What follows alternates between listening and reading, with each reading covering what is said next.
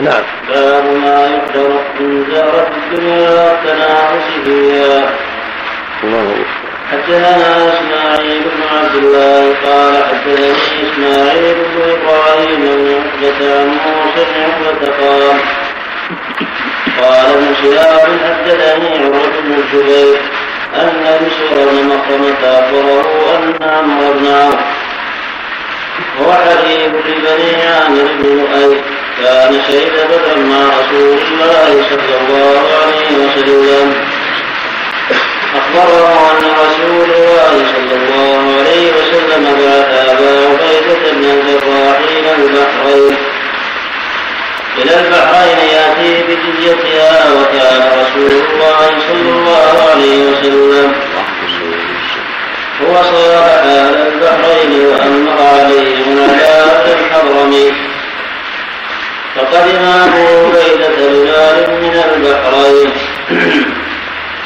فسمعت الأنصار بقدومه فوافقت صلاة الصبح مع رسول الله صلى الله عليه وسلم. فلما انصرف تعرضوا له. فتبسم رسول الله صلى الله عليه وسلم حين رآهم.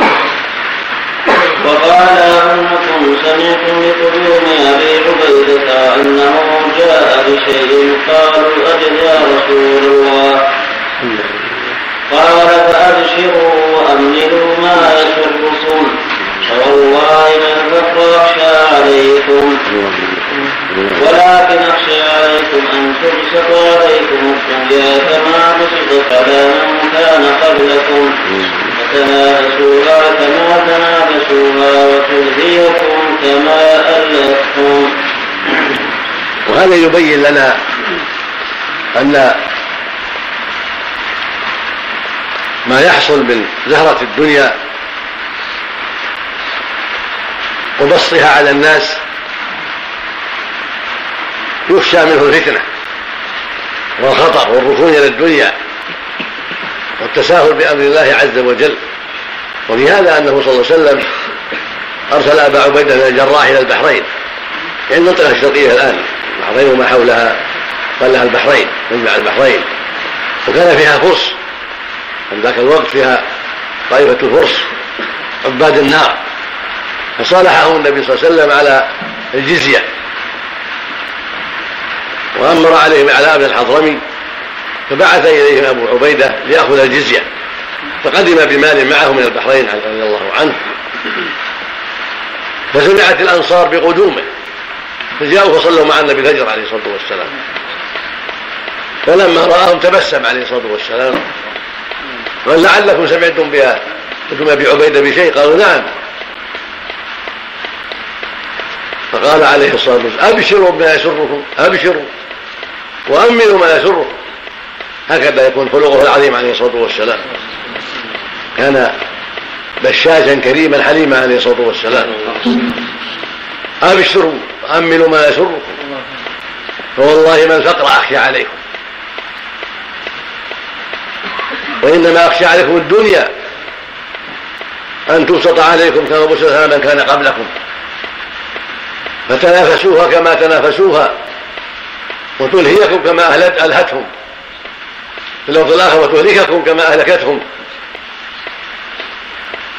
وقسم بينهم المال عليه الصلاة والسلام. قسم ذاك المال بين الصحابة.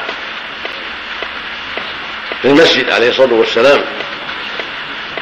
هذا يبين لنا أن الخطر في الغنى أعظم من الخطر في الفقر وأن الناس إذا أصيبوا بفتح الدنيا وانبساطها وكثرتها خطرهم أكثر من حالهم مع الفقر لأنهم مع الفقر قد ينتجع الإنسان من الشيء لعجزه ويكون من أسباب العافية العجز. من العصبة ألا تقدر. لكن متى فتحت الدنيا وانبسطت الدنيا وكثر المال فقد يزين الشيطان للإنسان كثيرا من المحرمات والمعاصي بسبب قدرته عليها وبسبب وجود المال.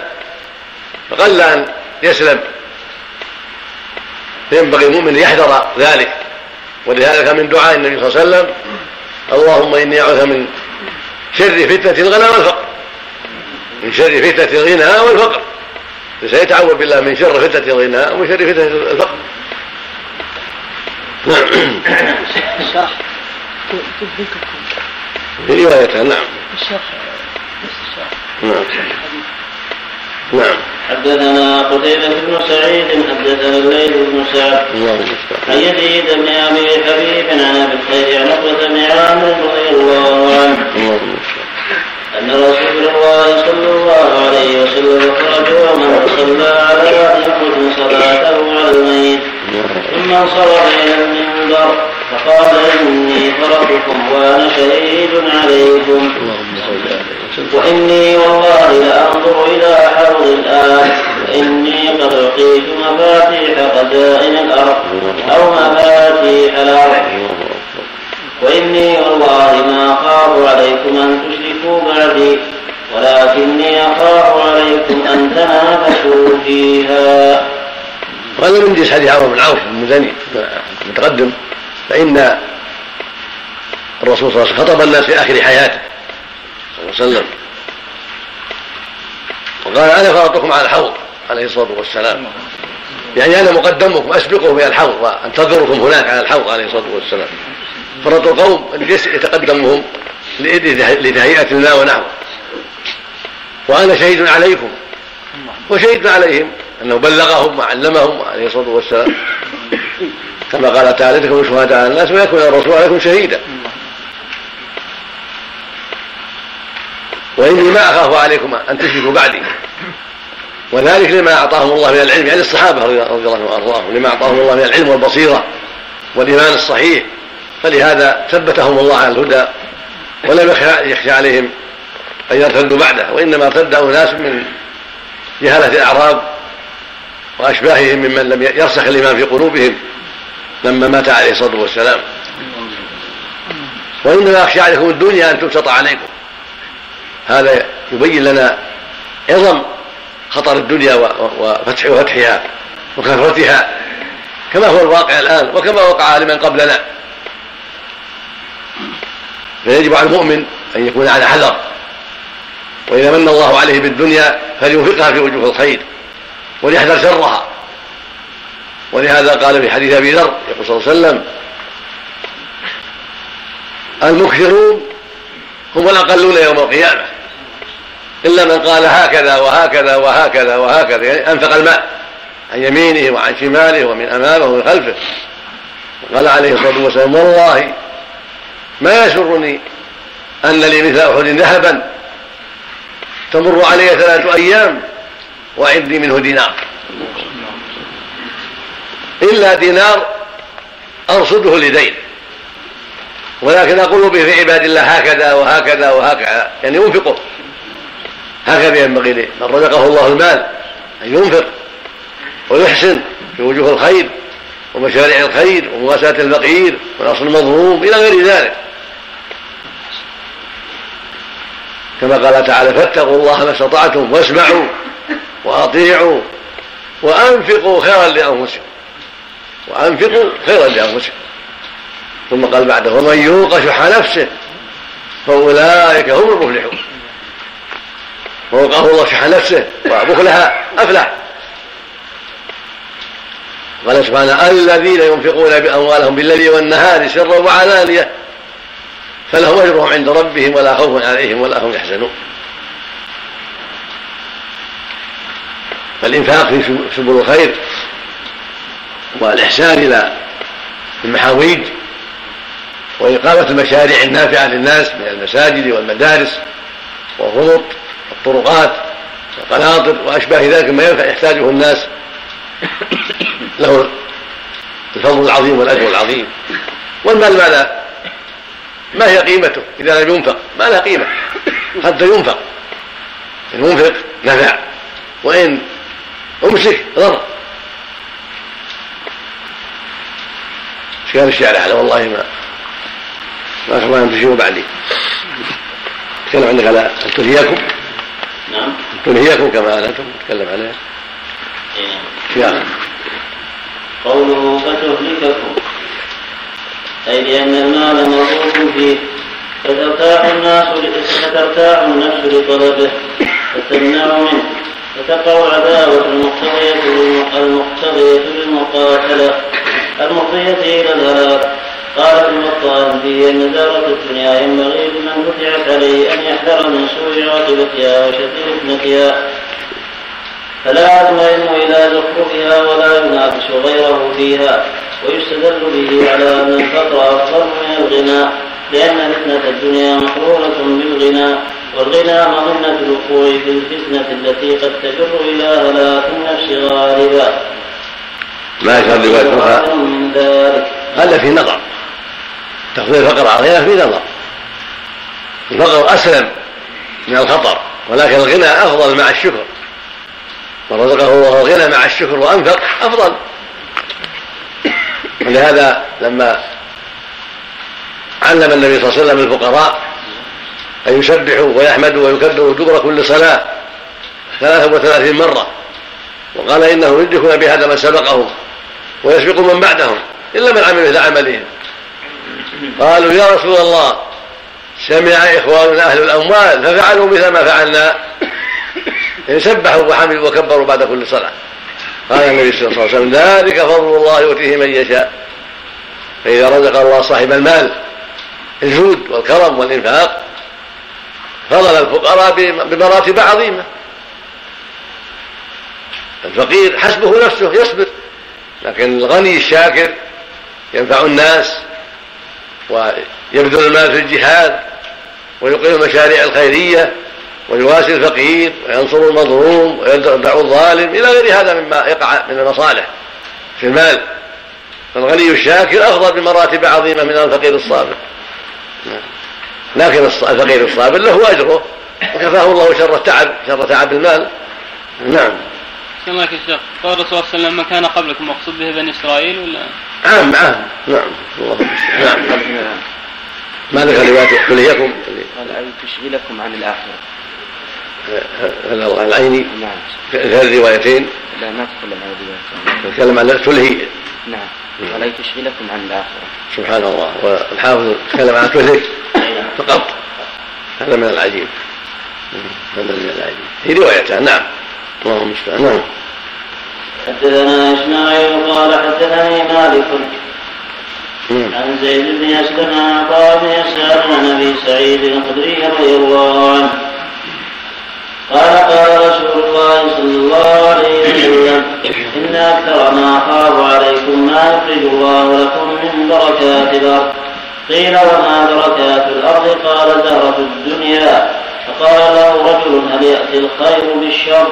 فصمت النبي صلى الله عليه وسلم حتى ظننت أنه ينزل عليه ثم جعل يمسح عن جبينه فقال أين السائل؟ قال أنا. قال أبو سعيد لقد حمدنا حين طلع لذلك.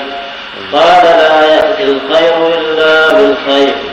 إن هذا المال خضرة حلوة وإن كل ما أنبت الربيع يقتل حبطا أو يلم. إلا آكلة الخورة أكلت حتى إذا امتدت خاسرتها استقبلت الشمس. فاجترت وفلقت وبالت ثم عادت فأكلت وإن هذا المال حلوة من أخذه بحقه ووضعه في حقه فنعم المعونة هو. فنعم. فنعم المعونة هو. فنعم المعونة هو.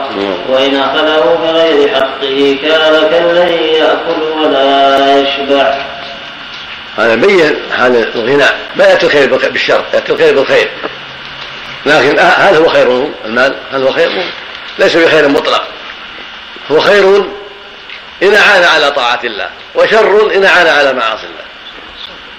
ولهذا قال من أخذه بحقه ووضعه في حقه فنعم المعونة هو نعم المال الصالح للرجل الصالح. لكن من أخذه بغير حقه أو صرفه بغير حقه فبئس الصاحب له. فالذي ينفقه في وجهه ويأخذه من وجهه نعم المعونة له. أما من أخذه بغير وجهه أو صرفه بغير وجهه هو كالذي كالذي يأكل ولا يشبع. يضره ولا ينفعه. نسأل الله العافية. نعم. حدثني محمد بن بشار حدثنا محمد بن جعفر حدثنا شعبة. قال سمعت أبا جره قال حدثني زهدم بن مغدر قال سمعت عمران بن حصين. نعم. عندنا غندر حدثنا إيش؟ حدثني محمد بن بشار حدثنا محمد بن جعفر. هو هو غندر هو غندر محمد بن جعفر هو غندر نعم.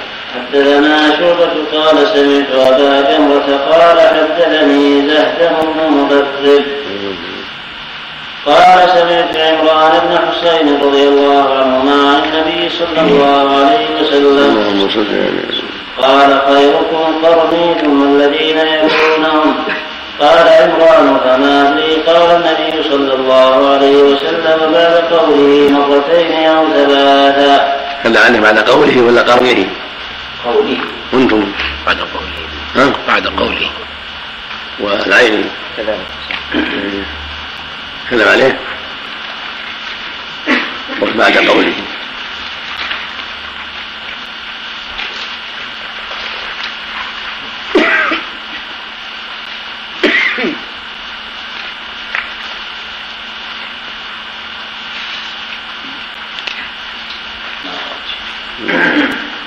نعم. يعني بعد قوله خير أمتي قرني فقال مرتين أو ثلاثة. والمحفوظ مرتين. خير أمتي قرني ثم الذين يلون ثم الذين يلونهم أما قال الرابع فيه الحوادث الكثيرة هكذا في حديث ابن مسعود خير الناس قرني ثم الذين يلونهم ثم الذين يلونهم وكان محفوظ القول المفضل ثلاثة ثم كثر الشر- الشرور بعد ذلك. نعم اللهم المستعان نعم اللهم المستعان نعم. قال تقدم شرار الحديث نعم شهادات. الشهادات وفي فضائل الصحابة. نعم ثم يكون بعدهم قوم يشهدون ولا يستشهدون ويقولون ولا يؤتمنون وينذرون ولا يوفون ويظهر فيهم السمن. يعني يؤمنون على الدنيا وشهواتها حتى يظهر عليهم السمن. عظم الأجسام عظم البطون بسبب كثرة الاقبال على الدنيا. وشهواتها نعم اللهم المستعان. اللهم المستعان. حدثنا عبدان عن ابي حمزة عن الاعمش عن إبراهيم عن عبيده عن عبد الله رضي الله عنه عن النبي صلى الله عليه وسلم قال خير الناس قرني ثم الذين يلونهم ثم الذين يلونهم الله اكبر الله اكبر ثم يجيء من بعدهم قوم تسبق شهادتهم أيمانهم وإيمانهم شهادتهم. يعني ما يبالون من العجلة. وقله المبالاة يحلف قبل الشهادة ويشهد قبل اليمين. والله أشهد ما ما يبالي قدم هذه وقدم هذه. ما هناك عنده العناية تامة بالتورع وهذا في الناس. ولكن لا يزال فيهم أهل الخير والبقايا الطيبة مثل قال النبي صلى الله عليه وسلم. لا تزال طائفة امتي على حق منصورة لا يضرهم من خذلهم حتى يأتي أمر الله. مع كثره الشر؟ لا يزال الأخيار موجودين في الناس الذين يحذرون ما حرم الله ويبتعدون عن مساخط الله ويؤدون ما أوجب الله. لكن مقصود النبي صلى الله عليه وسلم يتك- يتغير الأمر ويكثر الشر. اللهم المستعان نعم. اللهم اللهم نعم. حدثنا يحيى بن موسى حدثنا وكيع حدثنا إسماعيل عن قيس.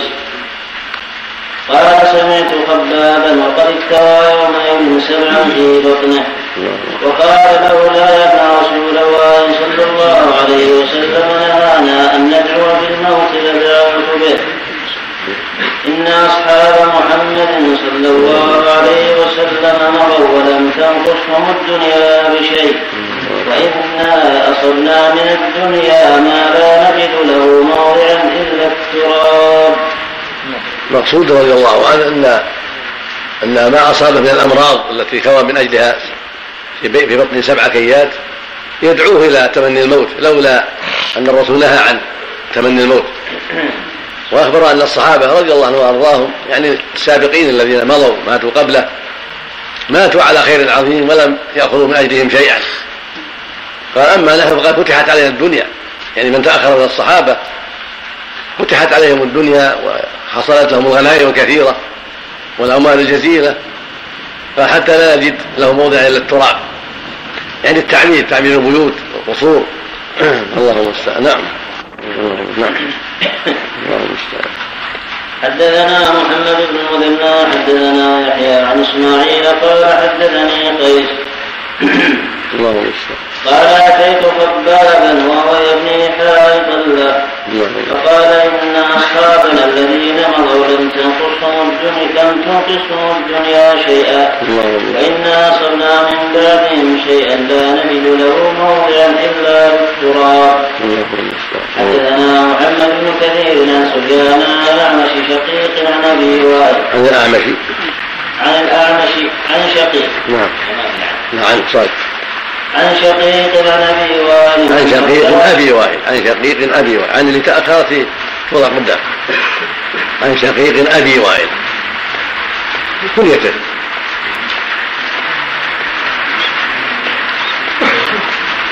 حدثنا محمد بن كثير عن سفيان عن الاعمش عن شقيق أبي وائل عن خباب رضي الله عنه. قال هاجرنا مع رسول الله صلى الله عليه وسلم.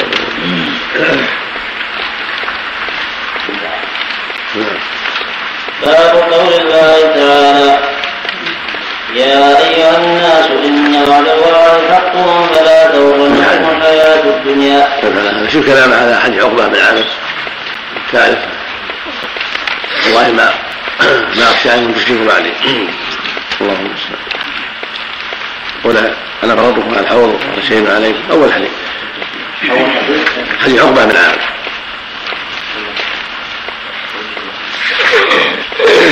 ما عدا حديث عمرو بن عوف شوف تقريب عمرو بن عوف تكلم عن عمرو بن عوف عنده تقريبا في فتح ولا العينين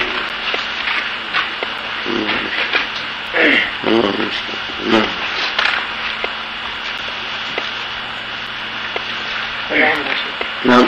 عمرو بن عوف عمرو بن عوف بن زيد بن ملحة بكسر أوله ومهملة. أبو عبد الله المزني. نعم. صحابي مات في ولاية معاوية. البخاري تعليق وأبو داود والترمذي وابن ماجه. البخاري تعليق. خط. نعم. نعم هو تعليق مسند بس. لا فيه آخر. عمرو بن بن عوف الأنصاري. إيه. أقرأ إيه عمرو بن عوف الأنصاري حليف بني عامر بن لؤي صحابي بدري. ويقال له عمر مات في خلافة عمر. البخاري ومسلم والترمذي والنسائي وابن ماجه. غير الثالث ما أدري. شو قال عندكم على عمرو هو وهو حليف لبني عامر بس. نتكلم عليه. قال تقدم بيان نسبه بالجزية. بس. وعيني كذلك والحديث مضى في ذلك الجزية والموابعة وأهل الدنيا هو الثاني هو الأنصار هنا نعم اشكال على حديث عقبة بن عامر بعد حديث عمرو بن عوف.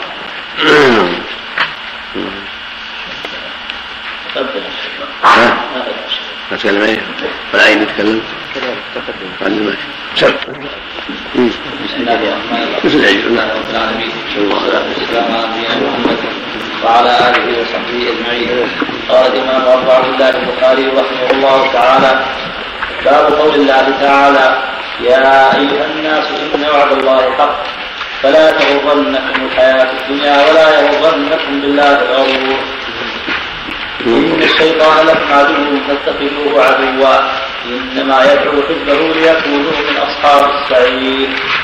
جمعه سعود. قال مجاهد الغرور الشيطان. حدثنا سعد بن حفص حدثنا شيبان. عن يحيى عن محمد بن إبراهيم القوسي. قال أخبرني معاذ بن عبد الرحمن أن ابن ابان أخبره قال اتيت عثمان بن عفان رضي الله عنه بطرق وهو جالس على المقاعد. فتوضأ فأحسن الوضوء ثم قال رأيت النبي صلى الله عليه وسلم توضأ وهو في هذا المجلس. فأحسن الوضوء ثم قال من توضأ مثل هذا الوضوء ثم أتى المسجد فركع ركعتين ثم جلس غفر له ما تقدم من ذنبه. قال وقال النبي صلى الله عليه وسلم لا تغتروا. وهذا أحد ألفاظ هذا الحديث وفي اللفظ الآخر ثم صلى ركعتين لا يحدث فيهما نفسه. غفر له ما تقدم من ذنب. احتج بذلك العلم على شرعية صلاة ركعتين بعد الوضوء. وجاء في هذا المعنى عدة أحاديث. ويدل على أنه يستحب لمن توضأ أن يصلي ركعتين. وأن هذا من أسباب المغفرة يعني عند اجتناب الكبائر. كما في الرواية الأخرى ما لم تصب المقتلة. يعني كبيرة. في نفس رواية حديث عثمان رضي الله عنه. وكما في حديث الصلوات الخمس والجمعة الجمعة ورمضان إلى رمضان كفارات لما بينهن باجتناب الكبائر. يقول صلى الله عليه وسلم فلا تغتروا. يعني احذروا أن تعتمدوا على مثل هذه الفضائل فتهلكوا. يعني لا تغتروا بما وعد الله من الخير فتقدموا على معاصيه ومخالفة أمره. ولهذا قال جل وعلا يا أيها الناس إن وعد الله حق فلا تغرنكم الحياة الدنيا ولا يغرنكم بالله الغرور وهو الشيطان. فالإنسان يعمل ويجتهد ويؤدي ما أوجب الله ويحذر ما حرم الله ويرجو فضله سبحانه وتعالى ويحذر أن يغتر بسعة وجوده وكرمه أو بما وعد به على الصلاة لأن العبد على خطر. فقد يهلك بمعصية يصر عليها وكبيرة يقدم عليها ولا حول ولا قوة إلا بالله. نعم. نعم. نعم. نعم. تمنع. إصرارها كبائر يمنع يمنع غفران الصغائر. ماذا يغفر له؟ ما يغفر له يكون موقوف ولهذا قال سبحانه إن تجتنبوا كبائر ما تفهمون يكفر عنكم سيئاتكم فعلق التكفير باجتناب الكبائر وقال في حديث عثمان هذا في الرواية الأخرى ما لم تصب المقتلة فإذا يقصد المقتلة هي الكبيرة لم يغفر له لم يغفر له بوضوء هذا وصلاة الركعتين. ما يغفر الصغائر. ما الصغير والكبائر على الصحيح. قال بعض أهل العلم تمحى الصغائر ولكن الشيء معلق بالشرط ما يقع. لأن غفران الصغائر مشروط باجتناب الكبائر. فلما فإذا وجد الشرط انتفى المشروط. وهكذا قول صلى الله عليه وسلم الصلوات الخمس والجمعة ورمضان ورمضان كفارات لما بينهن ما لم تغشى الكبائر. إذا اجتنب الكبائر. معناه إذا إذا إذا غشيت ولم تجتنب لم تكن هذه الصلوات كفارة. نعم. ولا الجمعة ولا رمضان. نسأل الله السلامة. نعم. نعم. إذا الكبائر اجتنابها وحده تدخل الصلاة نعم. ماذا يبقى لهذا الفضائل؟ الكبائر يكون حسنات تعطى حسنات. حسنات. نعم الصالحة فيها حسنات فيها خير. نعم. ومن هو اللي ومن هو اللي يسلم؟ أو من هو اللي يسلم من منها؟ الله المستعان. الله المستعان. لأن كبائر كثيرة ثم اختلفوا في حدها أيضا بعض الناس أطلق الكبائر على كل ذنب لكن ليس بصحيح. صواب فيها كبائر وصغائر لكن اختلفوا في حد الكبيرة نعم. الذي يخشى الكبائر ويصلي نوافل ويسبح ويهلل هل له اجر في هذا؟ نعم. له اجر وعد الله به لكن لا تمحى عنه الصغائر. إلا باجتناب الكبائر. الله يعني حسنات. حسنات نعم. وحسنات يجيب الله بها السيئات عند الموازنة. نعم. نعم قيد ركعتين في المسجد. هذه رواية الروايه الاخرى مطلقة. نعم. نعم. هذا نوع من العمل الصالح نوع. النوع الثاني يتوضأ ويصلي ركعتين ولو في بيته ولو في البر ولو في أي مكان نعم. جعلت ولو في وقت النهي على الصحيح. نعم. مسجد جعلت الأرض مسجد وطهر لا بأس ثم أتى المسجد يعني المسجد معروف إذا أطلق المسجد معروف. نعم. الله إليك. نعم. إذا ثم ركع ركعتين فجلس هل نوع من اخر ولا؟ الله من يعني جالس في المسجد يذكر الله ويتعبد ونحو ذلك. نعم. التوبة من الصغائر واجبة. نعم. التوبة من الصغائر لازمة يعني. نعم توبة من كل ذنب. نعم نسأل الله العافية. نعم. يا أيها الذين آمنوا توبوا إلى الله توبة نصوحا. يقول سبحانه وتوبوا إلى الله جميعا. أيها المؤمنون خاطر المؤمنين. ما يكون مؤمن مع كثرات الكبائر يكون ناقص. نعم إذا اجتنب الكبائر. الصغائر يجب منها التوبة نعم. إذا اجتنب الكبائر ذهبت الصغائر. لكن إذا تاب منها كان ذلك من باب العناية بالحذر. لأنه ما يدري هل سلمت له هل سلم له إيمانه من الكبائر أو عنده شيء. الإنسان دائما على خطر فإن الغيبة والنميمة والربا وقطيعة الرحم والعقوق والسب والشتم وأشياء أخرى كلها داخلة في الكبائر. نسأل الله ومن يسلم من الغيبة. لا حول ولا قوة إلا بالله نعم. لا نعم. في المرأة قال لا إله إلا الله يتمرة كتب الله له يتمسك على الكبائر تكون تكون كلها حسنات مئة حسنة مئة حسنة له وعد العاش هذا وعد من الله له في هذا والجمهور يقيدون بجناب الكبائر نعم. إيش معنى الجمهور يقيدون روايات مطلقة بجناب الكبائر نعم. إيش معنى قول ابن عباس إيش معنى لا لا لا كبيرة مع الاستغفار مع التوبة يعني. ولا صغيرة مع الإصرار إذا أصر ولم يتب صارت صارت كبيرة نسأل الله العافية. نسأل الله نعم. باب ذهاب الصالحين ويقال ذهاب المطر. حدثنا يحيى بن حماد حدثنا أبو عوانة عن بيان عن قيس بن أبي حازم عن مرداس الأسلمي رضي الله عنه.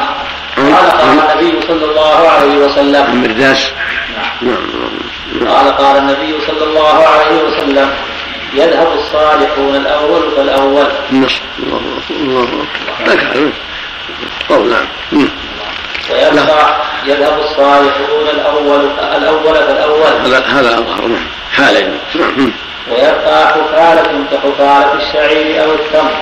لا يباليهم الله تعالى. قال أبو عبد الله يقال حفالة وحفالة. قال باب قوله باب ذهاب الصالحين أي موتهم. قوله ويقال الذهاب المطر. ثبت هذا في رواية الصخسي وحده. ومراده أن لفظ الذهاب مشترك على المضي وعلى المطر. وقال بعض أهل وقال بعض أهل اللغة الذهاب الأمطار اللينة وهو جمع ركبة بكسر أوله وسكون ثاني قوله حدثني يحيى بن حماد وهو من قدماء مشايخه وقد أخرج عنه بواسطة في كتاب الخير. قوله عن بيان بموحدة ثم تحت آلية خفيفة وهو ابن بشر وقيس هو ابن أبي حازم ومداس الأسلمي هو ابن مالك زاد الإسماعيلي زاد الإسماعيلي رجل من أصحاب النبي صلى الله عليه وسلم وهي عنده في رواية محمد بن فضيل عن بيان وتقدم في وجه آخر في غزوة الحديبية من كتاب المغازي أنه كان من أصحاب الشجرة. أي الذين بايعوا بيعة الرضوان. وذكر مسلم في الوحدان وتبعه وتبعه ممن صلى عليها أنه لم يعمل إلا قيس بن أبي حازم. ووقع في التهذيب للمزي في ترجمة الرداس هنا أنه روى عن زياد بن علاقة. وتعقب بأنه مرداس آخر. أخرجه أبو علي في السكن للصحابة عن مرداس بن مالك. وقال إنه مرداس بن عروة. وممن فرق بينهم البخاري والرازي والمسلم. ورجحه ابن السكن. قوله يذهب الصالحون الأول فالأول في رواية عبد الواحد بن عن أبي عوانة عند الإسماعيلي يطلب بدل يذهب والمراد قبض أرواحهم وعنده من رواية خالد الطحان عن بيان يذهب الصالحون أسلافا ويقبض الصالحون الأول فالأول. والثانية تفسير للأولى قوله ويبقى حثالة أو حفالة هو شك هل هي بالتاء المثلثة أو بالفاء والحاء المهملة في الحالين. ووقع في رواية عبد الواحد حثالة بالمثلثة جزما قوله كحثالة الشعير أو التمر يحتمل الشك ويحتمل التنويع. وقع في رواية عبد الواحد كحثالة الشعير فقط في رواية حتى لا يبقى حتى لا يبقى إلا مثل حثالة التمر والشعير زاد غير واحد من رواة البخاري. قال أبو عبد الله وهو البخاري حثالة وحفالة يعني أنهما بمعنى واحد. وقال الخطابي الحثالة الحثالة بالفاء وبالمثلثة الرديء من كل شيء. وقيل آخر ما يبقى من الشعير والتمر وأرجل قال ابن التين الحثالة سقط الناس. وأصلها ما يتساقط من كتب التمر والشعير وغيرهما. قال الداودي ما يسقط من الشعير عند عند الغرفلة. ويبقى من التمر بعد الأكل. ووجدت لهذا الحديث شاهدا من رواية الفزاريه امرأة عمر بلفظ تذهبون الخير فالخير حتى لا يبقى منكم الا حثاله كحثاله التمر. ينزل بعضهم على بعض النزول والمعز أخرجه أبو سعيد بن يونس في تاريخ مصر. وليس فيه تصريح برفعه لكنه حكم مشهور قوله لا يباليهم الله قال قال الخطابي أي لا يرفع لهم قدرا ولا يقيم لهم وزنا. يقال باليت بفلان وما باليت وما باليت به مبالاة وبالية وبالة وقال غيره أصل بالة بالية فحرمت الياء تخفيفا وتعقب قول الخطابي بأن بالية ليس مصدرا لباليت وإنما هو اسم مصدره وقال وقال أبو الحسن القابسي سمعته في الوقف بالة ولا أدري كيف هو في الدرج والأصل باليت بالا فكأن الألف حذفت في الوقت. كذا قال. وتعقبه المفتي بأنه لم يسمع في مصدره بالا. قال ولو علم القابسي ما نقله الخطابي أن بالا مصدر مصدر مصار مصار ما صار بأن النبالة مصدر النبالة مصدر مصار لما احتاج لما احتاج إلى هذا التكلم. ليش؟ لأن النبالة مصدر مصار. مصدر مصار مصار. النبالة مصدر مصار لما احتاج إلى هذا التكلم. إيش معنى؟ صار كذا؟ لا لا فصار. ليش؟ فصار. لأن بالك مصدر مصار. تحول. من صاد راء. نعم ألف لا مصدر مصار يعني. سهل. نعم. قلت تقدم في المغازي من رواية عيسى بن يونس عن بيان. بلفظ لا يعبأ الله بهم شيئا وفي رواية عبد الواحد لا يبال لا يبالي الله عنهم قد تكلم على الأول. في الأول ولا العيني نعم نعم. نعم في رواية عبد الواحد لا يبالي لا يبالي الله عنهم وكذا في رواية خالد الطحان وعن هنا بمعنى الباء. قالوا ما باليت ما باليت به وما باليت عنه. وقوله يعبأ بمهملة الساكنة. والموحدة مهموز أي لا يبالي وأصله من العبء بالكسر ثم الموحدة مهموز وهو الثقل لأنه معنى لا يعبأ به أي لا وزن له عنده. ووقع في آخر حديث التزارية المذكور آنفا على أولئك تقوم الساعة. قال ابن بطال في الحديث أن موت الصالحين من أشراط الساعة وفيه الندب إلى الاقتداء بأهل الخير والتحذير من مخالفتهم خشية أن يصير من خالفهم ممن لا يعبأ الله به. وفيه أنه يجوز انفرار أهل الخير في آخر الزمان حتى لا يبقى إلا أهل الشر. واستدل به على جواز خلو الأرض من عالم حتى لا يبقى إلا أهل الجهل صرفا. ويؤيده الحديث الآتي في الفتن حتى إذا حتى إذا لم يبقى عالم اتخذ الناس رؤساء جهالا. وسيأتي بسط القول في هذه المسألة هناك إن شاء الله تعالى. تنبيه. وقع في نسخة الصغار هنا. قال أبو عبد الله الكفارة وحثالة أي أنها رويت بالفاء وبالمثلثة وهما بمعنى واحد. لا يتكلم؟ الأول الأول فالأول هي ال هنا كانها زائدة ومعنى أولا فأولا. وهذا في آخر الزمان يعني لا يزال الصالحون يقبضون يقبضون حتى ينتهوا. فلا يبقى إلا الأشرار فعليهم تقوم الساعة. نسأل الله لا حول ولا قوه الا بالله نعم. قولهم ينجو بعضهم على بعض يعني مثل البهائم. وهذا موجود في دول كثيرة الآن في الأسواق. ينزل بعضهم على بعض يجامعها عند الناس يركبها عند الناس. ويركب بعضهم بعضا إلى الآن موجود عند الناس في فرنسا وفي إنجلترا وفي بلدان كثيرة في الأسواق.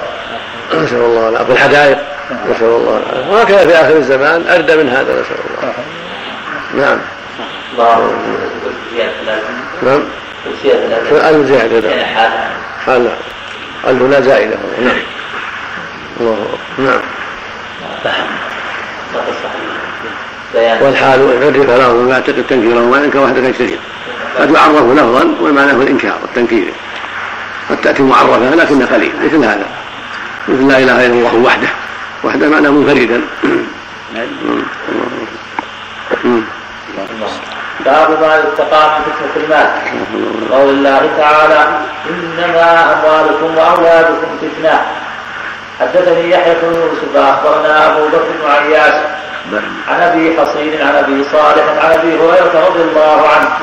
قال قال رسول الله صلى الله عليه وسلم تعس عبد الدينار والدرهم والقطيفه والخميصة. إن اعطي رضي وإن لم يعط لم يرضى. حدثنا أبو عاصم عن ابن جريج عن عطاء قال سمعت ابن عباس رضي الله عنهما يقول سمعت النبي صلى الله عليه وسلم يقول لو كان لابن آدم واديان من مال لابتغى حدثنا أبو عاصم عن ابن جريج عن عطاء قال سمعت ابن عباس رضي الله عنهما يقول سمعت النبي صلى الله عليه وسلم يقول لو كان لابن آدم واديان من مال لابتغى ثالثا ولا يملأ جوف ولا يملأ جوف ابن آدم إلا التراب ويتوب الله على من تاب. العباس نعم. هذا طبيعة ابن آدم. يعني هذا هو طبيعته الغالب طبيعة ابن آدم هكذا حب المال. ولا يشبعه شيء. كما قال جل وعلا وإنه لحب الخير يعني المال لشديد ولو تحبون المال حبا جما. وكم من قتيل وقاتل حصل له ذلك بسبب حب المال. نسأل الله السلامة. وكم من مرتد عن دينه حصل له ذلك بسبب حب المال. فهو فتنة كما قال الله. إنما أموالكم وأولادكم فتنة. يعني اختبار وامتحان يبتلى به الناس. فهذا يبتلى بالمال فيصرفه في وجوه الخير ويسلم من شره. وهذا يبتلى بالمال فيهلك به. نسأل الله لا حول ولا قوة إلا بالله. نعم. حدثني محمد أخبرنا مخلد أخبرنا ابن جريج. قال سمعت عطاء يقول سمعت سمعت ابن عباس رضي الله عنهما يقول سمعت رسول الله صلى الله عليه وسلم يقول لو أن لابن آدم لو أن لابن آدم ملء واد مالا لاحب أن له إليه لاحب أن له إليه مثله. ولا يملأ عين ابن آدم إلا التراب. ويتوب الله على من تاب. قال ابن عباس رضي الله عنهما فلا أدري من القرآن هو أم لا. قال وسمعت ابن الزبير رضي الله عنه يقول ذلك على المنبر.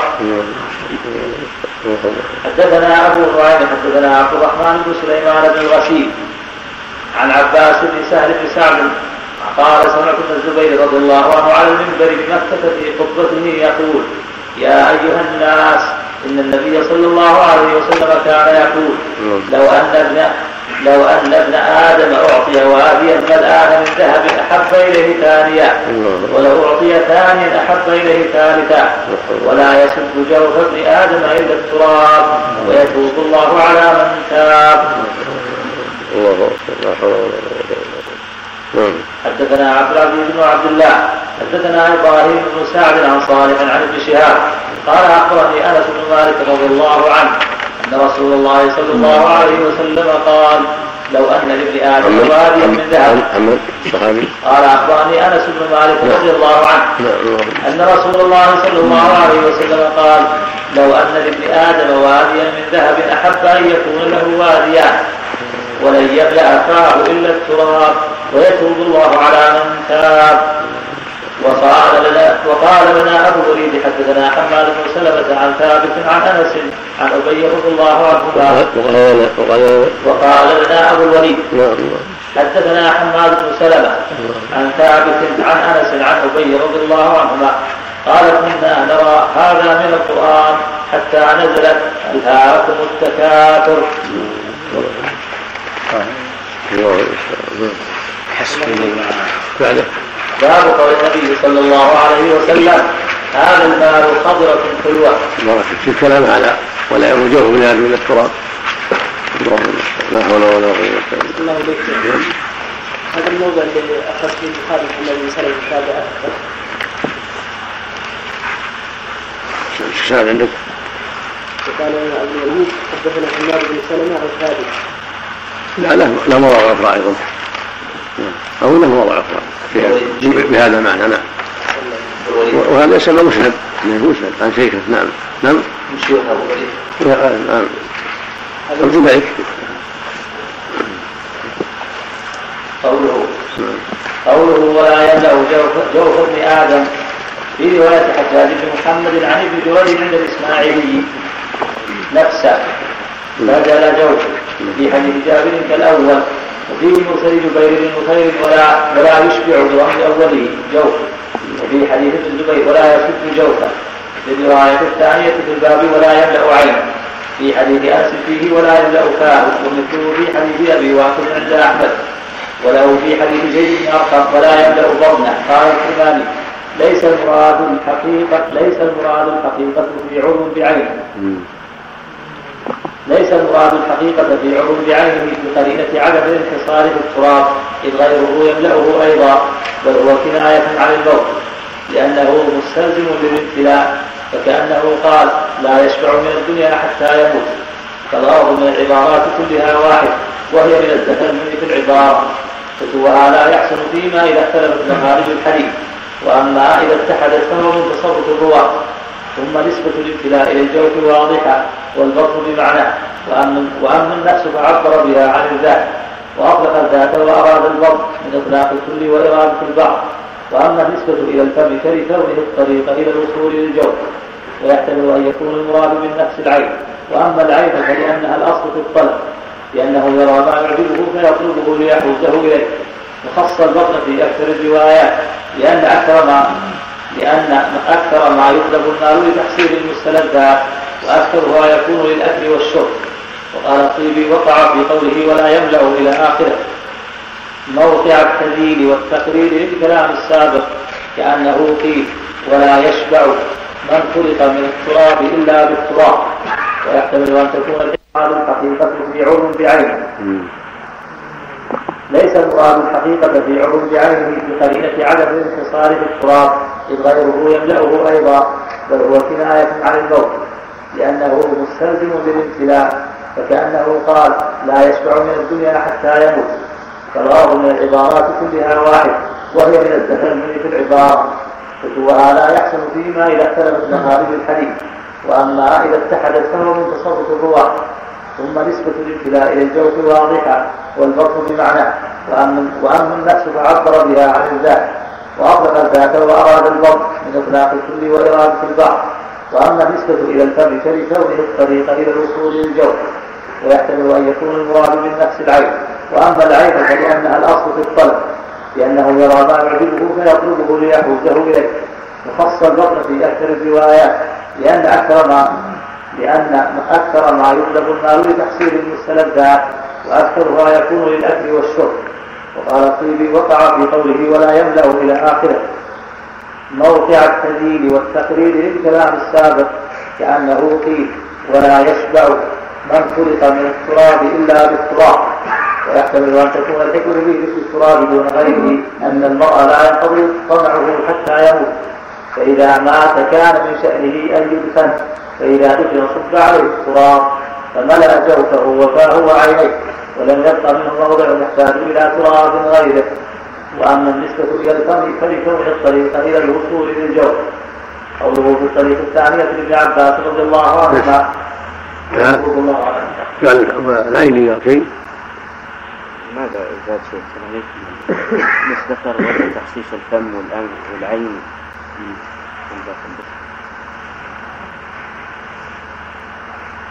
فإن قلت نسبة الامتلاء إلى الجوف والبطن واضحة فما وجه فما وجهها إلى النفس والفم والعين. قلت أما النفس فعبر بها عن الذات وأراد البطن مثل ما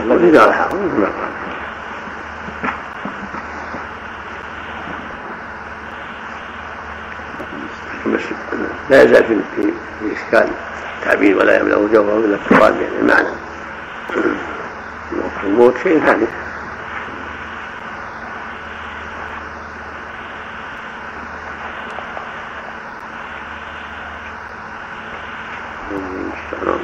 الله أعلم. بمراد رسوله عليه الصلاة والسلام. نعم الله المستعان. الحمد لله رب العالمين والصلاة والسلام على نبينا محمد وعلى آله وصحبه أجمعين. قال الإمام أبو عبد الله البخاري رحمه الله تعالى باب قول النبي صلى الله عليه وسلم هذا المال خضره حلوة وقوله تعالى زين للناس حب الشهوات من النساء والبنين والقناطير المقنطرة من الذهب والفضة والخيل المسومة من الذهب والفضة والخيل المسومة والأنعام والحرث ذلك متاع الحياة الدنيا. قال عمر رضي الله عنه اللهم إنا لا نستطيع إلا أن نفرح بما زينته لنا. اللهم إني أسألك أن أنفقه في حقه. حدثنا علي بن عبد الله حدثنا سفيان قال سمعت الزهري يقول أخبرني عروه وسعيد بن المسيب عن حكيم بن حزام رضي الله عنه. قال سألت النبي صلى الله عليه وسلم فأعطاني ثم سألته فأعطاني ثم سألته فأعطاني ثم قال إن هذا المال وربما قال سفيان قال لي يا حكيم إن هذا المال خضرة حلوة. فمن أخذه بطيب نفس بورك له فيه ومن أخذه بإشراف نفس لم يبارك له فيه. وكان كالذي يأكل ولا يشبع واليد العليا خير من اليد السفلى. وهذا هذا توجيه عظيم من النبي الكريم عليه الصلاة والسلام لحكيم بن حزام القرشي المعروف وللامه كلها. الخطاب لحكيم والمقصود الأمة كلها. كان حكيم رضي الله عنه طلب النبي صلى الله عليه وسلم من المال فأعطاه النبي ثم طلب فأعطاه ثم طلب فأعطاه. ثم قال له يا حكيم إن هذا المال خضرة حلوة يعني محبوب للنفوس. من جهة المرأة من جهة النظر ومن جهة ما يتمتع به من نيل الشهوات التي تدرك بالمال. فمن أخذه بطيب, بطيب نفس لفظ الآخر بسخاوة نفس بورك له فيه. يعني أخذ بطمأنينة وسخاوة نفس وراحة وقصد صالح بورك له فيه. ومن أخذه بإشراف نفس يعني بتطلع وجشع لم يبارك له فيه. وكان كالذي يأكل ولا يشبع. اللفظ الآخر متقدم فما أخذه بحقه ووضعه في حقه فنعم المعونة هو. ومن أخذه بإشراف نفس لم يكن لم يبارك له فيه. وكان كالذي يأكل ولا يشبع. في اللفظ الآخر نعم المال الصالح للرجل الصالح. ينفقه في سبيل الله وفي الفقير والمسكين أو كما قال عليه الصلاة والسلام. وفي الآخر اليد العليا خير من اليد السفلى وابدأ بمن تعول وخير الصدقة ما كان عن ظهر غنى. فاليد العليا هي المعطية والمنفقة والسفلى هي السائلة. وابدأ بمن تعود يعني ابدأ بمن تحت يدك وأنت مسؤول عنهم. ابدأ بهم في الإنفاق من زوجة وأولاد ونحو ذلك من تحت يد الإنسان وبهائم ونحو ذلك. وخير الصدقة ما كان عن ظهر غنى ما كان يستطيعه العبد فوق حاجته فوق حاجة من تحت يده.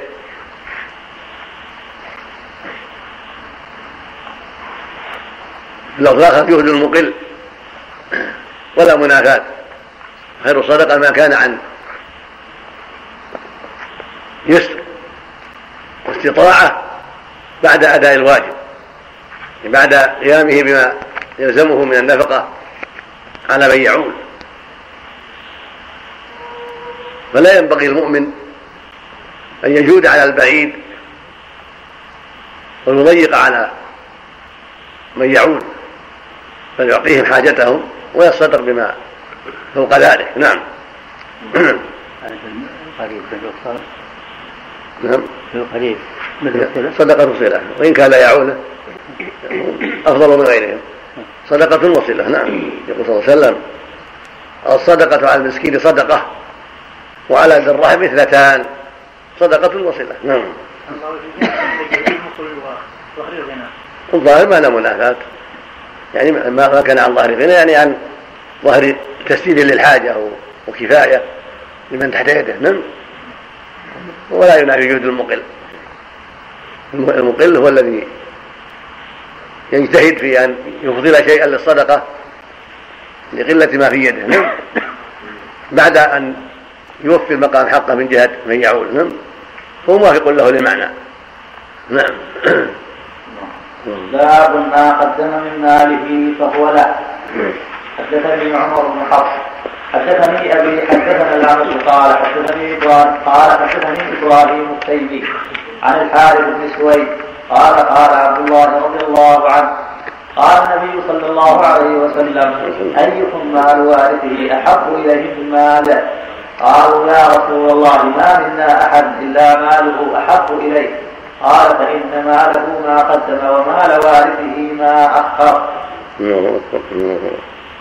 هذا بيان عظيم ومثل عظيم يجعل المؤمن يجود ويحسن. أيكم ماله أحب إلى من مال وارثه؟ كل أحد يقول مالي أحبني من مال وارثه. نعم. قال فإن مال أحدكم ما قدم ما صدق به وأنفق في وجوه البر ومال وارثه وما أخر.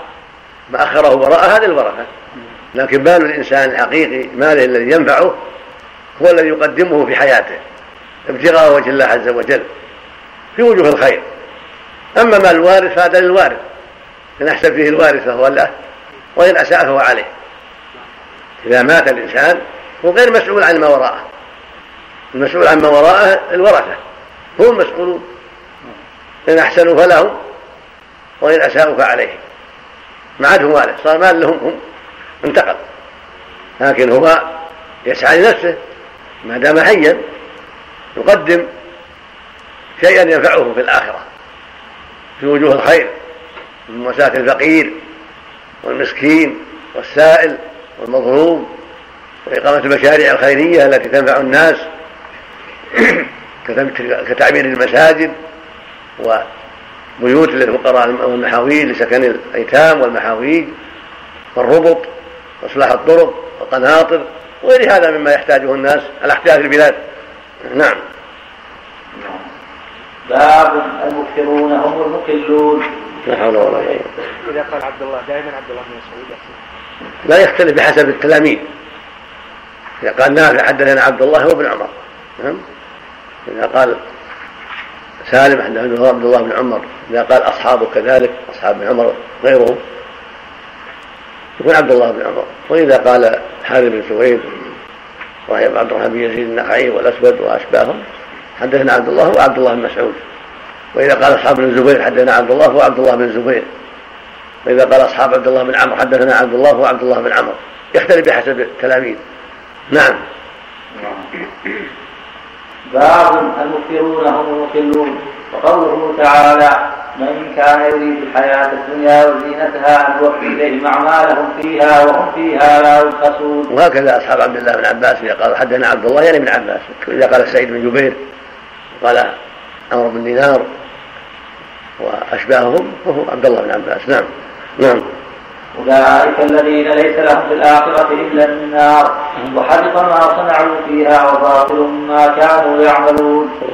حدثنا قتيبة بن سعيد حدثنا جرير عن عبد العزيز بن رفيع عن زيد بن وهب عن أبي ذر رضي الله عنه. قال خرجت ليلة من الليالي فاذا رسول الله صلى الله عليه وسلم يمشي وحده وليس معه إنسان. قال فظننت أنه يكره أن يمشي معه أحد.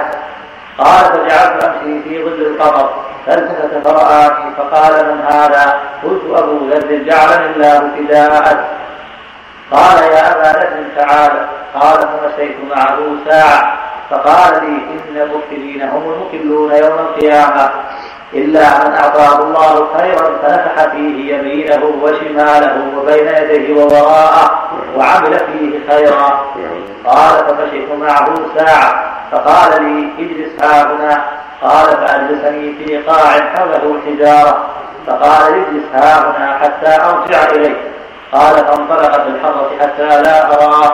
فلبث عني فأطال اللب. ثم إني سمعته وهو مقبل وهو يقول وإن سرق وإن جنى. قال فلما جاء لم أصبر حتى قلت يا نبي الله جعلني الله فداءك من تكلم في جانب الحرة ما سمعت أحدا يرجع إليك شيئا. قال ذلك جبريل عليه السلام. عرض لي في جانب الحرة قال بشر أمتك أنه من مات. لا يشرك بالله شيئا دخل الجنة. قلت يا جبريل وإن سرق وإن زنى. قال نعم. قال قلت وإن سرق وإن زنى. قال نعم. قلت وإن سرق وإن زنى. قال نعم. قال النظر أخبرنا شعبة وحدثنا حبيب وأبي ثابت والأعمش وعبد العزيز بن رفيع. حدثنا زيد بن وهب بهذا. قال أبو عبد الله حديث أبي صالح عن أبي الدرداء مرسل لا إنما أردنا إنما أردنا للمعرفة. والصحيح حديث أبي ذر. قيل لأبي عبد الله حديث عطاء بن يسار عن أبي الدرداء. قال مرسل أيضا لا يصح. والصحيح حديث أبي ذر. وقال اضربوا على حديث أبي الدرداء هذا. إذا مات قال لا إله إلا الله عند الموت. وهذا الحديث فيه البشارة العظيمة لهذه الأمة أمة محمد عليه الصلاة والسلام. وفيه الرد على الخوارج والمعتزلة ومن قال بمذهبهم من القول بأن العاصي مخلد في النار وأنه لا يدخل الجنة. فهذا الحديث العظيم وهو من أصح الأحاديث عن رسول الله صلى الله عليه وسلم وقد رواه البخاري ومسلم وغيرهما. يقول صلى الله عليه وسلم إن المكثرون إن المكثرين هم المقلون يوم القيامة. المكثرون هم المقلون يوم القيامة.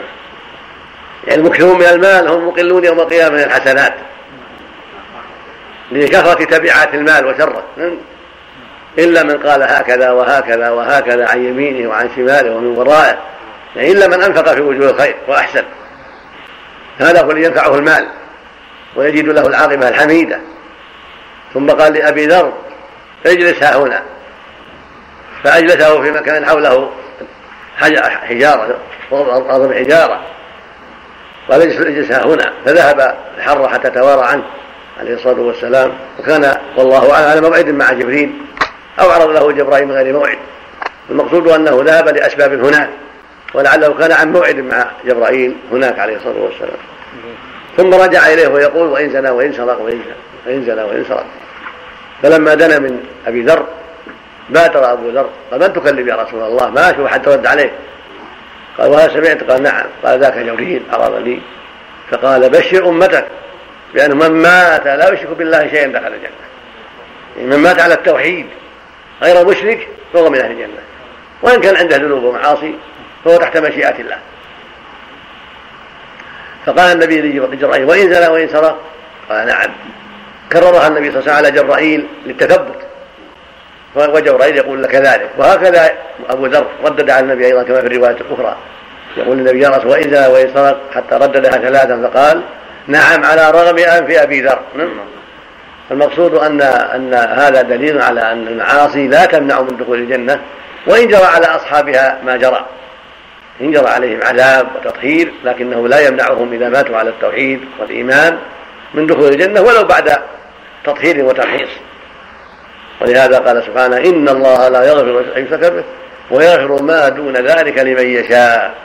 فأمر المعاصي تحت مشيئة الله. من مات عليها غير تائب فهو تحت مشيئة الله لكن منتهاه إلى الجنة. منتهاه ولو دخل النار ولو مكث فيها ما شاء الله من الزمان للتطهير فالنهاية أنه يخرج منها ويصل إلى الجنة بعد ذلك كما صحت به الأخبار وتواترت به الأخبار عن رسول الله صلى الله عليه وسلم في الشفاعة. الخوارج يقولون لا والمعتزلة يقول من دخلها لا يخرج. من دخل النار ولو كان عاصيا ولو كان غير كافر لا يخرج. هذا من جهلهم وضلالهم وخلافهم للسنة الصحيحة عن رسول الله عليه الصلاة والسلام. بل زاد على هذا الخوارج فقالوا إنه يكفر بالمعصية. وأن من سرق كفر ومن زنى كفر ومن حق والده كفر فجعلهم كفارا مخلدين في النار. وهذا باطل عند أهل السنة والجماعة. أهل السنة والجماعة يقولون قد نقص إيمانه وضعف وضعف إيمانه واستحق غضب الله إلا أن يعفو الله عنه سبحانه وتعالى. فقد يعفى عنه من أول وهلة وقد يعذب على قدر الجرائم التي مات عليها من زنا أو سرقة أو شرب مسكر أو عقوق أو قطيعة رحم أو أكل ربا أو غيبة أو نميمة أو غير هذا من المعاصي. وتحت مشيئة الله وهو على خطر من دخول النار كما جاءت به النصوص الكثيرة عن رسول الله عليه الصلاة والسلام. لكن هذا لا يمنع من دخول الجنة في النهاية بعد التطهير والتمحيص الذي كتبه الله عليه. وهذا قول أصحاب النبي صلى الله عليه وسلم وأتباعهم بإحسان من أهل السنة. خلافا للمبتدعة من الخوارج والمعتزلة ومن سار على نهجهم ومذهبهم الباطل نعم. صلى على نعم.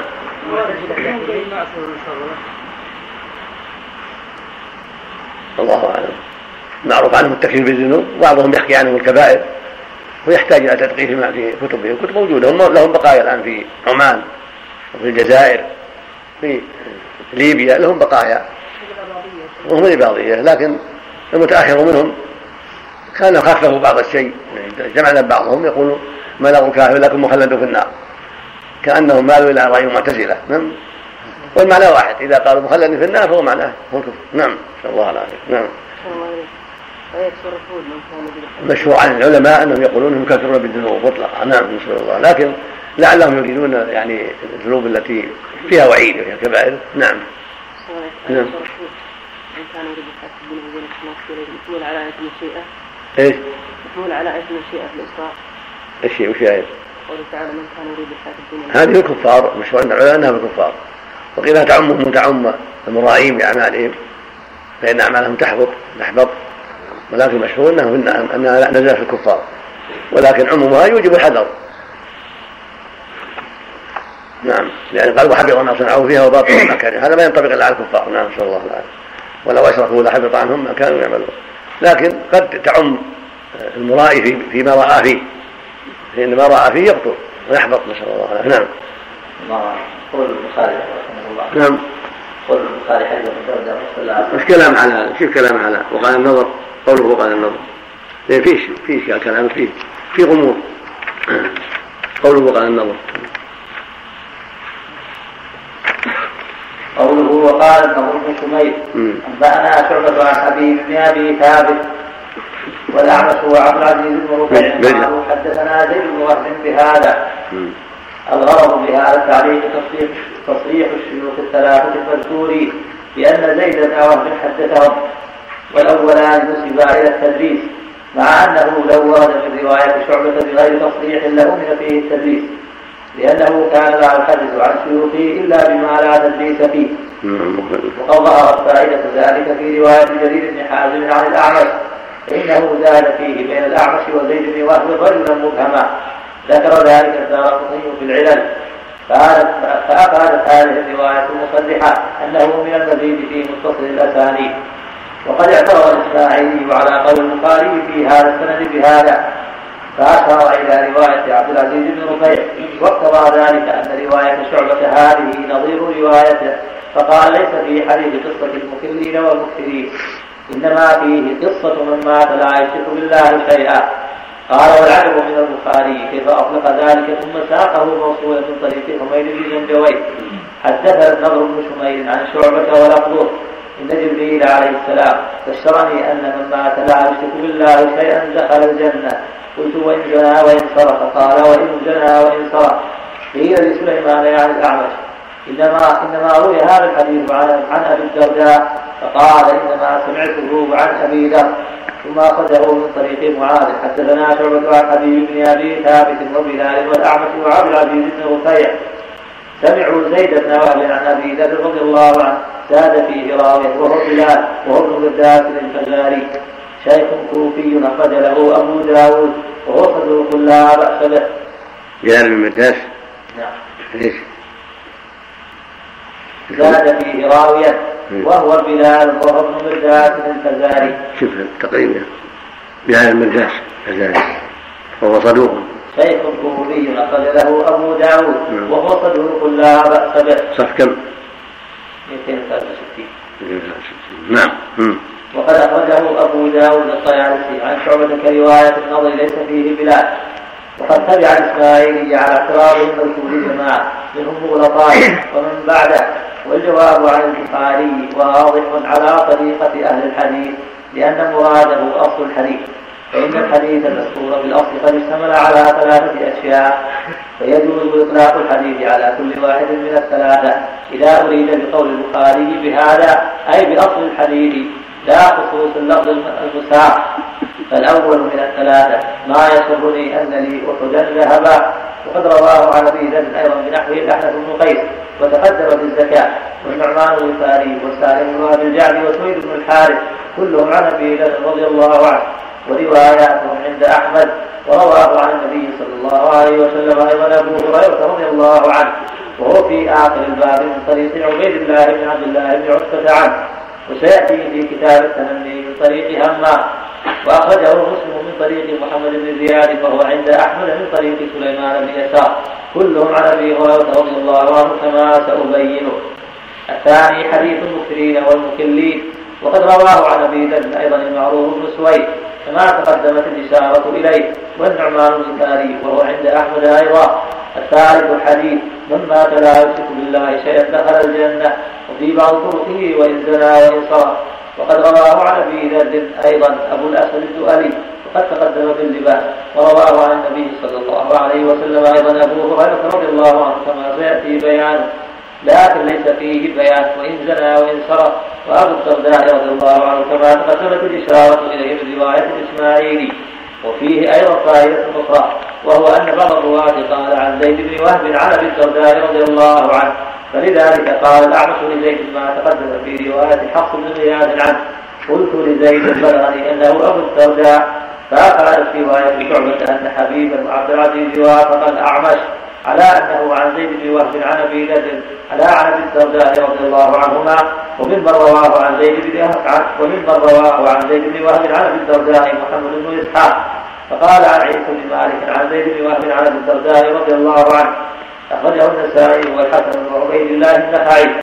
أخرجه الطبراني من طريقه عن زيد بن وهب عن أبي الدرداء رضي الله عنه بالأرض من مات لا يشرك بالله شيئا دخل الجنة فقال أبو الدرداء وإن زنى وإن سرق قال وإن زنى وإن سرق فكررها ثلاثا وفي الثالثة وإن ظن أبي الدرداء وسألته بقية طرقه على الدرداء رضي الله عنه في آخر الباب الذي يليه وذكره الدار قطني في العلل فقال يشبه أن يكون القولان صحيحين. قلت وفي حديث كل منهما في بعض الطرق ما ليس في الآخر. كم؟ ما وضح ما وضح ما وضح يعني بيان كلام البخاري. ما وضح كما ينبغي لا زال في كلام البخاري بعض الشيء. شو قال؟ انت بلال بلال بلال بن مرداس إيه. بلال بن مرداس ويقال ابن أبي موسى الفزاري. النصيصي مقبول. النصيصي. النصيصي؟ نعم. إيه. مقبول من السابعة لا. لا ألا أنت الثوري وأبو داود بن ماجه. يقول على الحاشية ذكر الحافظ ذكر المؤلف الفتح. مؤلف الفتح صفحة 263 في 11 نعم. أنه أن المذكور صدوق لا بأس به.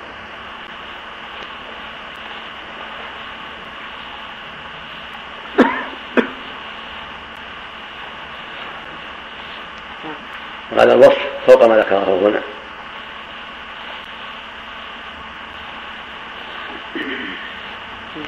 والله ولي التوفيق. نعم. نعم.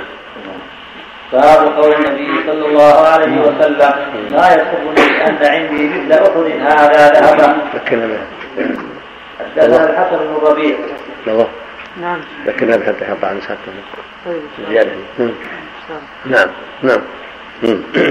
حدثنا الحسن بن الربيع حدثنا أبو الأحوص عن الأعمش عن زيد بن وهب قال قال أبو ذر رضي الله عنه كنت أمشي مع النبي صلى الله عليه وسلم في حرة المدينة فاستقبلنا أحد فقال يا أبا ذر قلت لبيك يا رسول الله قال ما يسرني أن عندي مثل أحد هذا ذهبا تمضي علي ثالثة وعندي منه دينار. إلا شيئا أرصده لدي إلا أن أقول به في عباد الله هكذا وهكذا وهكذا. عن يمينه وعن شماله ومن خلفه. ثم مشى ثم قال إن الأكثرين هم المقلون يوم القيامة. إلا من قال هكذا وهكذا وهكذا. عن يمينه وعن شماله ومن خلفه وقليل ما هم. أي والله قليل نعم. ثم قال لي مكانك لا تبرح حتى آتيك ثم انطلق في سواد الليل حتى توارى.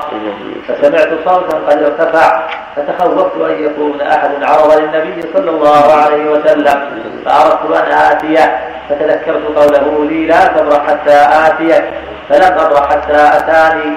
قلت يا رسول الله لقد سمعت صوتا تخوفت فذكرت له فقال وهل سمعته؟ قلت نعم. قال ذاك جبريل عليه السلام أتاني؟ فقال من مات من أمتك لا يشرك بالله شيئا دخل الجنة. قلت وإن زنى وإن سرق. قال وإن زنى وإن سرق. نعم. حدثنا احمد بن شبيب حدثنا أبي عن يونس وقال الليث حدثني يونس عن ابن شهاب. عن عبيد الله بن عبد الله بن عتبة قال أبو هريرة رضي الله عنه قال رسول الله صلى الله عليه وسلم لو كان لي مثل أحد ذهبا ما يسرني ألا تمر علي ثلاث ليال وعندي منه شيء. ألا تمر. نعم. عندك نعم عندك لا. نعم.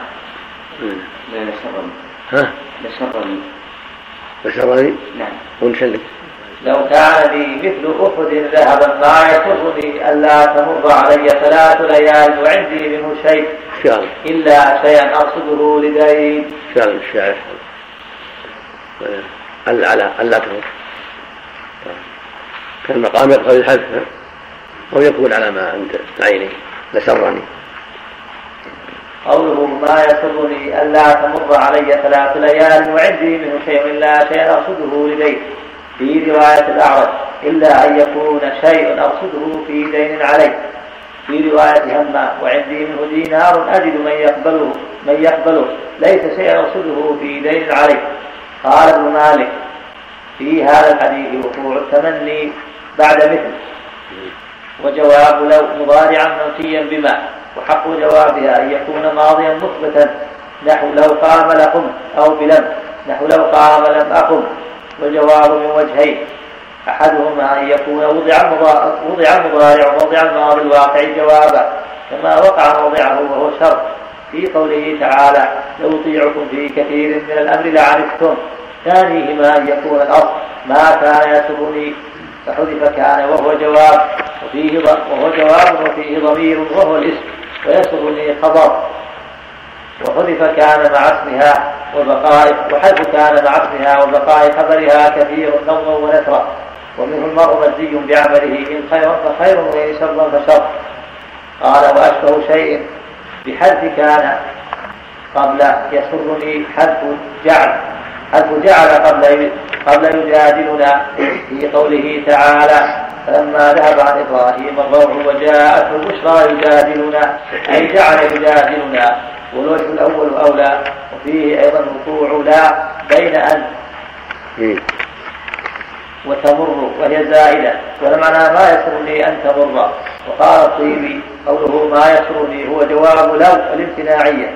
ويفيد أنه لم يسره المذكور بعده لأنه لم يكن عنده مثل أحد ذهبا فيه نوع مبالغة لأنه إذا لم يسره كثرة ما ينفقه فكيف ما لا ينفقه قال أبو التقييد بالثلاثة تتميم ومبالغة في سرعة الإنفاق فلا تكون لا زائدة كما قال ابن مالك إنكم فيها على حالة. قلت ويؤيد قول قول ابن مالك الرواية الماضية قبل في حديث أبي ذر بالأرض ما يسرني أن عندي مثل أحد ذهبا تمضي علي ثالثة. يكفي نقول لا زائدة أو أو صر بعض الرواة فيما قبلها. نعم نعم. الكلام ما يشتقي معها. إلا بتغيير ما قبلها. نعم. نعم.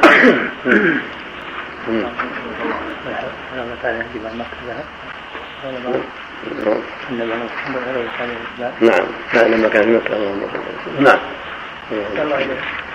على قول وفيه نوع مبالغة لأنه إذا لم يسره كثرة ما ينفقه نعم. نعم. لا لا هنا. لا ما نعم صلة نعم. باب الغنى غير النفس. بارك بسم الله الرحمن الرحيم صح كم؟ صح كم؟ عليه أي. نعم صح نعم. الحمد لله رب العالمين والصلاة والسلام على أشرف الأنبياء نبينا محمد وعلى آله وأصحابه أجمعين قال الإمام البخاري رحمه الله تعالى باب الغنى على النفس وقال الله تعالى يحسبون أن ما نمتم به من مال وبنين لا قوله تعالى من ذلك الله يعلمون قال ابن عيينة لم يعملوها لا بد من أن يعملوها. حدثنا أحمد بن حدثنا أبو بكر حدثنا أبي حسين بن صالح. عن أبي هريرة رضي الله عنه عن النبي صلى الله عليه وسلم قال ليس الغنى عن كثرة العرب ولكن الغنى من النفس. وهذا من الدلائل على حكمة الشريعة وأن الله سبحانه وتعالى أعطى نبيه صلى الله عليه وسلم جوامع الكلم واختصر له اختصارا. فالشريعة كلها علم كلها هدى كلها توجيه إلى الخير ومن الحكمة العظيمة والعلم العظيم المختصر. ليس الغنى عن كثرة العرض ولكن الغنى غنى النفس. رحمك الله. المعنى ليس الغنى عن كثرة الأموال فإن الدنيا عرض. الدنيا كلها عرض والمال كله عرض يعني يزول. فليس الغنى عن كثرة العرض عن كثرة الأموال. والجاه والتصرف والأخذ والعطاء نحو ذلك. ولكن الغنى غنى النفس. متى رزق الله العبد غنى النفس وقناعة النفس وطمأنينتها وهو الغني وإن كان ماله قليلا. ومتى بلي العبد بالجشع والشح والحرص لن يغنيه شيء ولا ملك الدنيا وهو لا يزال في تلهف ولهذا جاء في الحديث الصحيح لو يعطي لو يعطي لو أعطي ابن آدم مالين واديين من مال لابتغى لهما ثالثا. لو بلغ لو يعطى واد من مال لو بلغ واد من ذهب هكذا ابن آدم طبيعته الحرص حب المال والجشع والخوف على زواله وعدم غير النفس هذا هو الغالب. لكن من رزق غنى النفس؟ وبصره الله بهذه العاجلة وبين له عيوبها وبين له محاسن الآخرة وأسباب الطمع فيها والرغبة فيها. ارتنى قلبه وتنت نفسه وقنع بالقليل. حديث الآخر يقول صلى الله عليه وسلم قد أفلح من أسلم ورزق كفافا وقنعه الله بما آتاه. خرجه مسلم في الصحيح. لو الآخر طوبى لمن أسلم ورزق كفافا وقنع. وليس المعنى أن لا يتسبب ولا يعم ويعمل ولا يتجر لا. المقصود أن قلبه يكون غني مطمئن مرتاح مؤثر للآخرة ولو كان ماله قليلا. ولو كان يتجر يبيع ويشتري عنده التجارة عنده المزارع عنده كذا. هذا لا يمنع من من النفس. هو مأمور بالأسباب. لكنه مأمور بالقناعة أيضا وإيثار الآخرة وعدم إيثار هذه العاجلة. ولهذا قال عليه الصلاة والسلام في الحديث الآخر احرص على ما ينفعك واستعن بالله ولا تعجزن. احرص على ما ينفعك يعني في الدنيا والآخرة ولا تعجزن. والعجز ترك العمل ترك الأسباب والإعتماد على القدر هذا عجز. وأعظم منه الاتكال على الأسباب ونسيان الله. هذا عجز أيضا. فالتارك الأسباب عاجز والمعتمد عليها عاجز والكيس هو الذي يعتمد على الله ويتوكل عليه سبحانه وتعالى ويأخذ بالأسباب جميعا. قلبه معلق بالله قلبه معلق بالله نفسه غنية نفسه قانعة ولكنه مع هذا يأخذ بالأسباب ليس بعاجز. فيجمع بين الأمرين بين الثقة بالله والاعتماد عليه وغنى قلبه وغنى نفسه. وقناعته وطمأنينته ومع ذلك هو آخذ بالأسباب التي شرعها الله وأباحها في هذه الدار ليعيش مع الناس وليستغني عن الحاجة إلى الناس وليقوم بما عليه من من الواجبات من نفقة الأهل والأولاد إلى غير هذا من الحاجات. ولينفق في سبيل الله وليحسن إلى عباد الله وليشارك في مشاريع مشاريع الخير ويساهم في المعروف. وهذا كله لا ينافي من النفس وقناعة القلب. نعم. عندنا إن بالغنى عندك ولكن رواية ليس غنى عن الغرب ولكنه غنى من النفس. تكلم عن الحش الشارع رواية أخرى. ولكن غنى وإنما غنى. بمعنى واحد. بمعنى الحصر. فإن الجملة المعرفة إذا إذا أخبر عنها بالخبر النسبي أيضا فاذا كان اسمه معرفا كان أكمل في الحصر أيضا ولكن الغنى غنى الناس الغنى غنى الناس متبع الخبر. نعم. مثل إنما غنى غنى الناس نعم. نعم. قوله إنما الغنى غنى النفس. عندك إنما؟ الغنى عندكم عندكم كذلك. عندكم الاصل ليس الغنى. ليس الغنى. عن كثر العرب. ولكن الغنى ولا وانما الغنى. عنه ولكن الغنى غنى النفس في نسخة وإنما عندهم عندي إنما. ها؟ عندي في المتن إنما الغنى. نعم. الشرط إنما الغنى وش قال الشارع؟ نعم. في رواية الآخر عن أبي هريرة عند أحمد وسعيد بن منصور وغيرهما إنما الغنى إنما الغنى في النفس وأصله في مسلم وابن حبان عن حديث أبي ذر قال لي رسول الله صلى الله عليه وسلم يا ذر أرأتراك لك المال ولا قلت نعم قال لا؟ أترى. إيه قال لي رسول الله صلى الله عليه وسلم يا ذر أتراك لك المال والغنى قلت نعم قال أتراك لك المال والفقر قلت نعم يا رسول الله. قال إنما الغنى إنما الغنى غنى القلب. والفقر فقر القلب. قال توقع مع الحديث ليس حقيقة الغنى كثرة المال.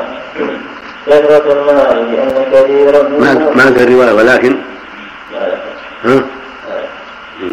كلمة ولكن ولكن نعم هذا الشرح وفي الشرح.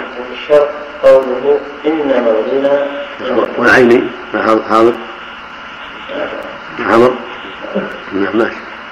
بس. نعم. باب فضل الفطر حدثنا إسماعيل قال حدثني عبد العزيز بن ابي حاتم يبقى على حاله هذه رواية معروفة هكذا. المثل عندنا إنما الغنى نعم. نعم. الحديث اللي فيه دعاء الرسول صلى الله عليه وسلم لأحد الصحابة اللهم اجعل قناه في قلبه. وش فيه؟ صحيح؟